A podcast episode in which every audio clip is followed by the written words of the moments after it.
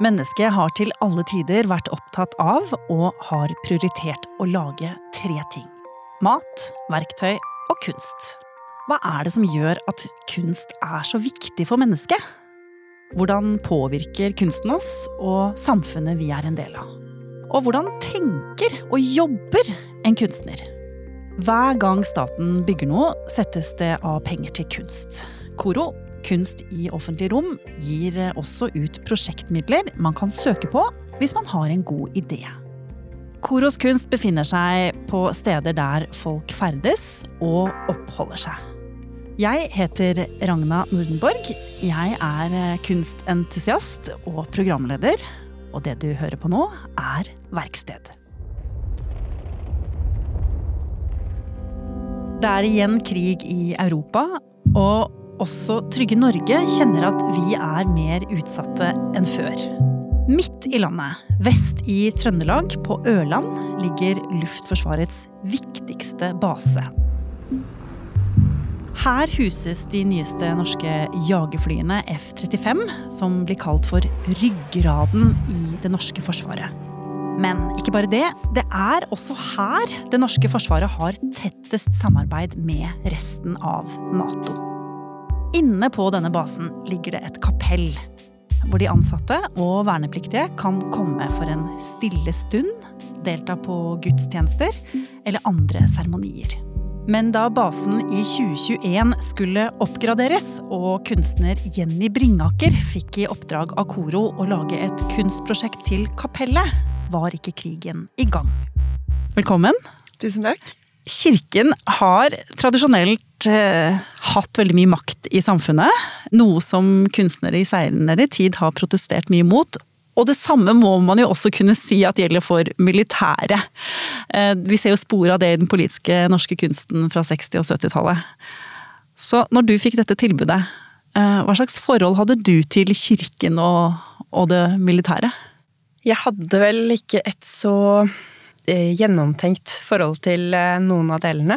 Men da jeg fikk oppdraget, så tenkte jeg jo umiddelbart på de gamle kirkene, da. Og på den gamle kirkekunsten. Eh, gjerne den som hadde spor fra førkristen tid.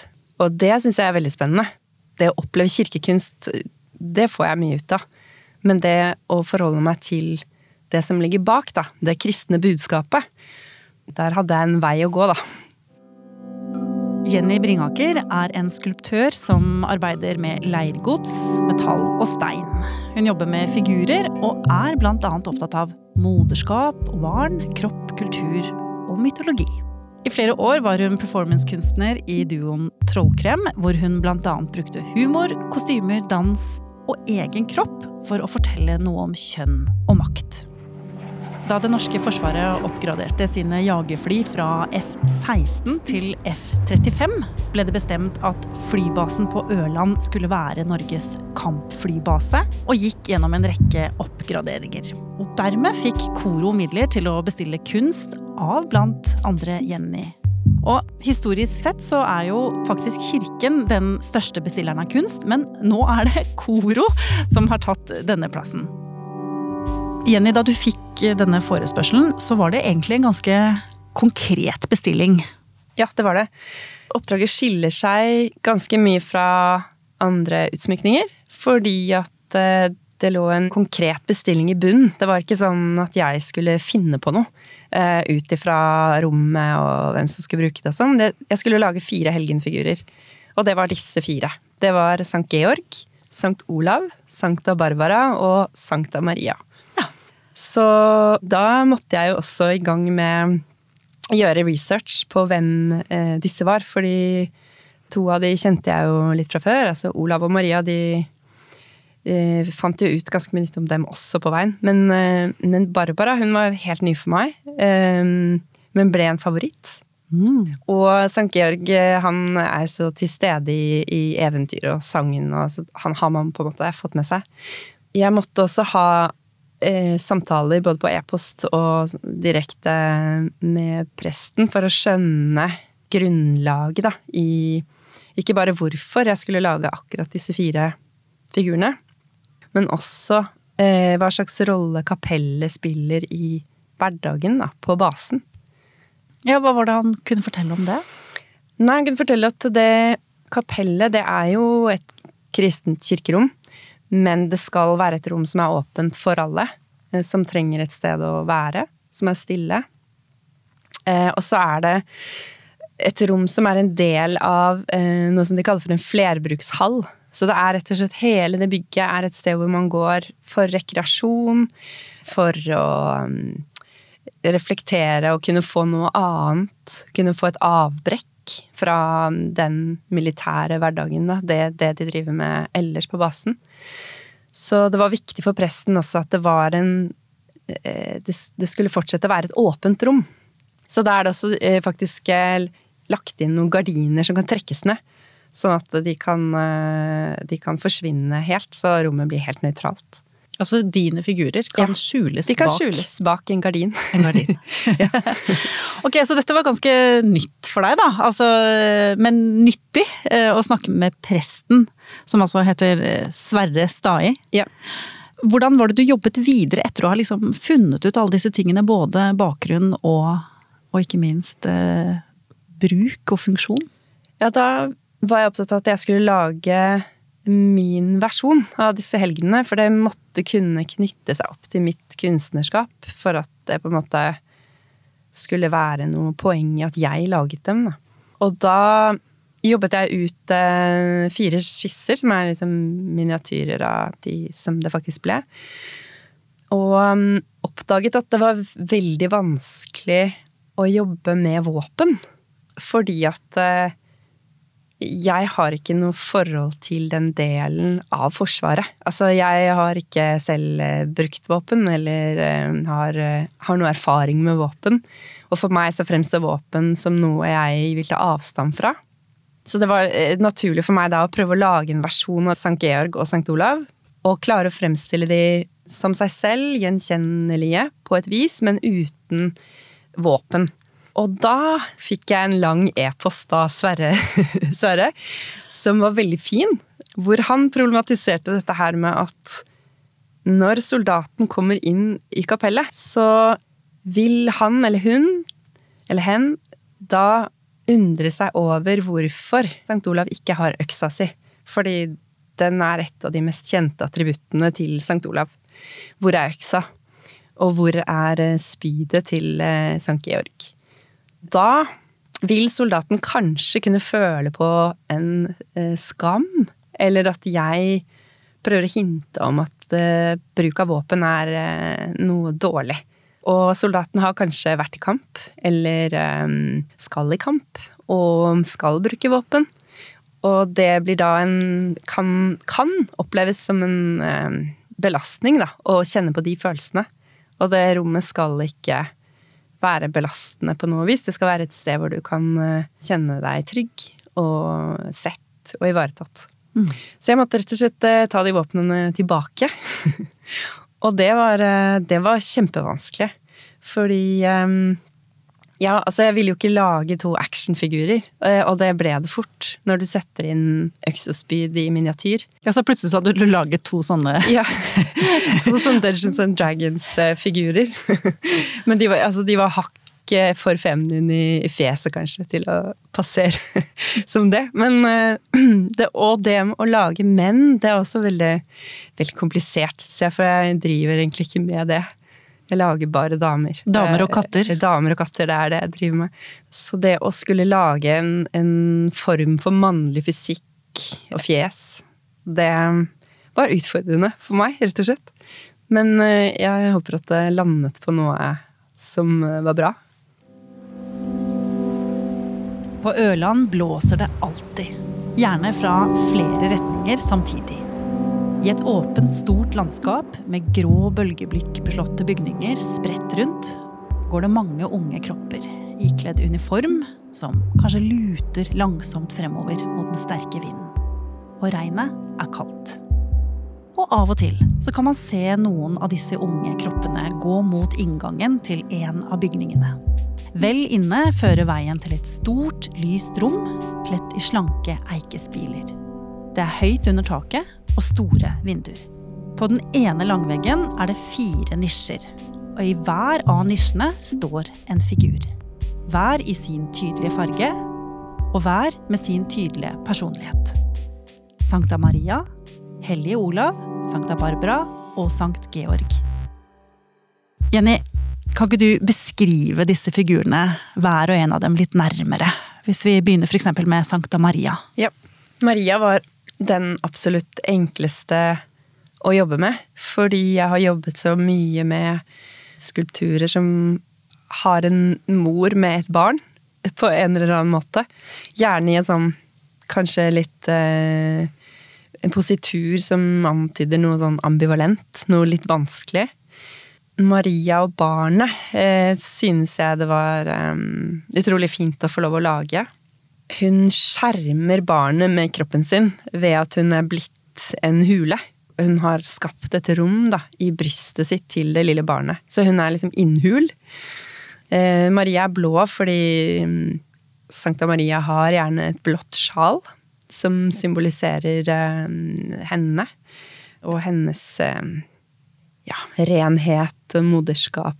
Alt det på en måte spiller inn i, i disse symbolene de har. At du skal kunne kjenne igjen helgenfiguren på bakgrunn av de såkalte attributtene, da. Sankt Georg, han, han, er jo den som bekjemper dragen. Han eh, representerer soldaten, og er da eh, kanskje mer enn alle et våpen i seg selv. Så han er da i en sånn metallisk grå farge. Han har et skjold og et spyd. Og så står han på en pidestall som er liksom formet til kroppen hans. Det er jo en, en mannsfigur men eh, han er vel eh, sånn relativt feminin også, da, i uttrykket. Som jeg syns eh, er litt fint. At det trenger ikke å være mm, så utpreget, liksom, eh, macho. Mm. Det, selv om eh, man skal representere en soldat, da. Og dette med våpnene. Mm. Er du fornøyd med hvordan du løste det? Kan du ja, forklare? Jeg, jeg, tror det. Det jeg gjorde med Georg, det var at eh, han har eh, spydet bak ryggen. Så det var et kompromiss. Så han har skjoldet først, fordi han først og fremst verner. Men han har spydet klart bak ryggen, da. Hva med Sankta Barbara, da? Sankta Barbara, hun, eh, Det var veldig spennende å lese med henne, selv om det var ikke så mye å finne på henne som eksempel på Sankt Olav. Men, og det kan også liksom hende at det finnes spor av i eventyr som Rapunsel, eksempel. Hun er en ungjente, det eneste gjenlevende barnet av sin far. Høyt elsket. Eh, han vil verne henne fra omverdenen. Murer henne inne i et tårn hvor hun ikke får slippe ut. Og eh, så oppdager hun troen og Gud, den kristne Gud, da. Og tviholder på det, på tross av, eh, av sin fars ønske. Eh, så klarer hun å rømme fra tårnet. Så mm, jeg var veldig opptatt av dette tårnet, da.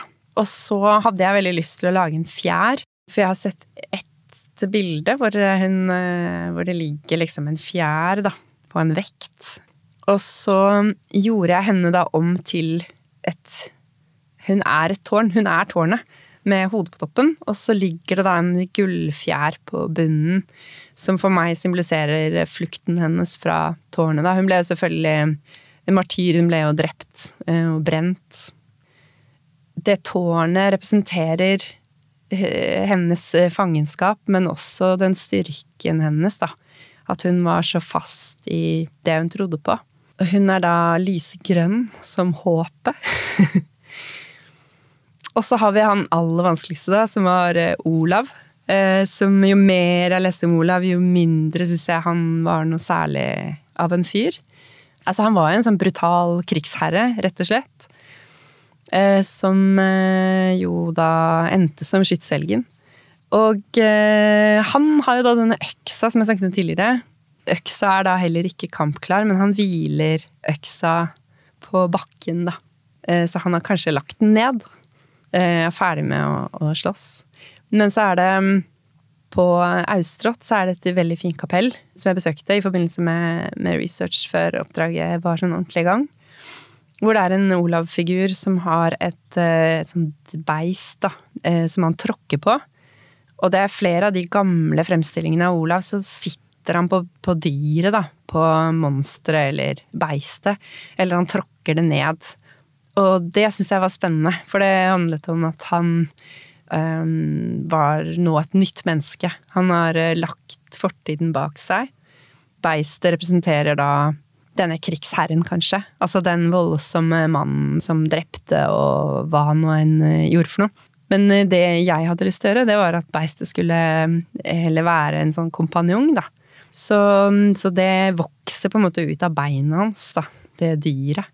Vi er jo aldri én. Vi er jo mange ulike i samme person. Når det kommer til materialbruk, så har du jo valgt en uh, veldig original variant, i hvert fall når det kommer til lakken.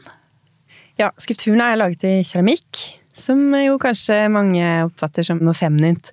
Uh, og så er de lakkert med billakk, som er uh, påført av en billakkerer. Som, som, representerer maskin, bil, flykroppen, den metall, metalliske kroppen. Og den kontrasten syns jeg er spennende. For da, da, da, blir det flere lag i skulpturen. Altså de er, eh, de er, myke, men de er også harde. De har et skall. Så jeg tror det er eh, ikke så mange andre helgenfigurer som er billakkert eh, rundt forbi. Så det var veldig spennende også. Eh, så er det altså Nå har jeg for så vidt, nå har jeg glemt hvilken bil de forskjellige fargene kommer fra, men det var litt sånn jeg satt og gjorde mye research på sånn Ok, ja, det er liksom BMW grå, og det er liksom Ja, sånn og sånn. Veldig gøy. Um, så de, den ene av skulpturene, der er det en egen uh, blanding, da, som er uh, laget spesielt. St. Georg. Den grå, den fins ikke på noe annet sted. Så du googla mye billakk? Ja, jeg googla mye billakk og begynte å se. Det var litt farlig når jeg var ute på veien på E6-en. For jeg var liksom Å, der er den grønne. um, så jeg jobbet med en veldig flink billakkerer. Som også aldri Han hadde aldri lakkert helgenskulpturer før. Så nå har han også lært eh, mye nytt. Jenny Bringaker er datter av Arve Bringaker, som i mange år var leder av Norsk Billedhoggerforening. Han var dermed en viktig skikkelse innen norsk skulptur. Da han døde i 2016, hadde Jenny allerede etablert seg som kunstner. Men det var først da han gikk bort, at hun for alvor gikk inn i skulptur som kunstform.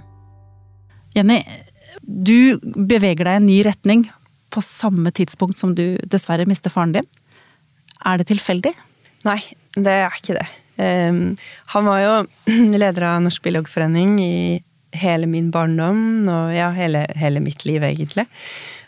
Så jeg var jo mye der. Jeg var mye i Hekkveien. Uh, altså dette eh, store stedet litt skjult bak høye blokker på Carl Berner i Oslo, ja. hvor uh, foreningen holdt til. Ja. Men samtidig så var uh, billedkunsten og skulptur det var liksom hans verden. Og ikke min verden. Mitt utgangspunkt var teater. Jeg var eh, litt sånn besatt av teater fra jeg var helt liten. Og det var det jeg hadde tenkt å drive med. Så scenekunst i en eller annen form, da. Men jeg har alltid laget ting. Jeg har alltid laget små skulpturer. Eh, egentlig alltid. Men jeg har aldri tenkt at det kunne leve for seg selv. Og så er det det når noen dør sånn veldig brått, så blir man jo minnet på ikke sant, hvor skjørt livet er, videre. Jeg holdt på med, med trollkrem sammen med Tor Erik Bø, som var fantastisk, og vi gjorde utrolig mye gøy. Men det var ganske utmattende, for det ble større og større, da, disse prosjektene. Mange mennesker involvert, um, samtidig som jeg hadde to små barn. Og det kom til et punkt da, hvor det på en måte Jeg måtte gjøre et eller annet. Så da ble jeg veldig oppmuntret av, av mannen min da, til å liksom begynne å bare få det ut. Det som jeg gjorde i tegning. Han utfordret meg litt. da, som Skal du ikke lage dette i leire? Mm. Og så gjorde jeg det, og så kjentes det utrolig lett. Det var, det var kjempelett. Det har blitt vanskeligere, altså. men i starten så var det sånn Jøss, yes, men kan, det, hvis det er så lett, er det vel ikke bra? Da er det vel dårlig? Eh, kan jeg slippe unna med det, liksom? Så det, det, liksom rant litt ut, da. Bare noen sånne skulpturer sånn på soverommet, rett og slett. Så jeg lagde den første skulpturen jeg lagde, den um, den eh, lagde jeg på en sånn plate med noe armatur og veldig sånn krøkkete, da. Men, og den eh, plata skrudde jeg fast i en krakk. Så når jeg da skulle få den støpt, så satt jo krakken fast, da. Så jeg måtte um, frakte hele greia med krakk til han som skulle hjelpe meg å støpe. Så det var liksom en del sånne ting, men, men, uh, men det traff folk, da. På en måte som jeg ikke hadde sett for meg, kanskje var, jeg følte jeg traff folk på liksom et sted som handler om følelser. Og det kom jo fra noe emosjonelt hos meg også, så det føltes jo fint, da.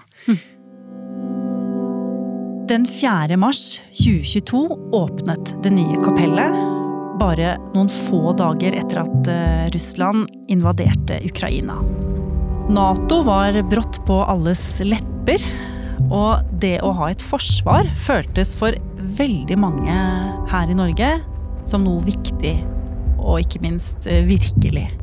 Det var ikke lenger noe som gjaldt eh, noe hypotetisk eller usannsynlig, dette med krig. Og midt oppi dette så sto det en samtidskunstner som hadde vært med og definert hvordan hjertet i denne basen, rommet for tro og refleksjon, skulle se ut. Har det skjedd noe med deg i denne prosessen, Jenny? Det er jo ganske spesielt det som eh, på en måte falt sammen med dette prosjektet. Ja, helt klart. Det var veldig spesielt å stå og jobbe med figurer som jeg visste skulle inspirere og, og gjerne trøste da, soldater. Og jeg visste jo det at kapellet brukes jo gjerne ofte til eh, ja, gudstjenester eller eh, samlingsstunder osv., men også til begravelser. Og nå ble det jo mer enn noen gang kanskje aktuelt, da. At det kunne være den type aktivitet i kapellet. Og også dette med Forsvaret, som jeg nå har begynt å kalle det istedenfor uh, militæret. Eh, for det er jo også det er jo et forsvar, først og fremst. Så det ble veldig virkelig. Eh, Sankta Barbara, for eksempel, som, hvor det er i Kiev, så er det en, en katedral hvor hun er veldig sentral, da. Som jeg bare tilfeldigvis da Eh, leste. Og da ble det enda viktigere for meg at disse skulpturene skulle kunne være noe som kunne trøste og beskytte eh, de som kom inn i rommet og trengte det, da. Mm. Og som kanskje var redde. For det tror jeg nok eh, mange unge soldater er. Vet du noen ting om hvordan bruken er? Stikker noen innom? Det tror jeg. Ja. Eh, det er et rom som er mye i bruk. Det er det.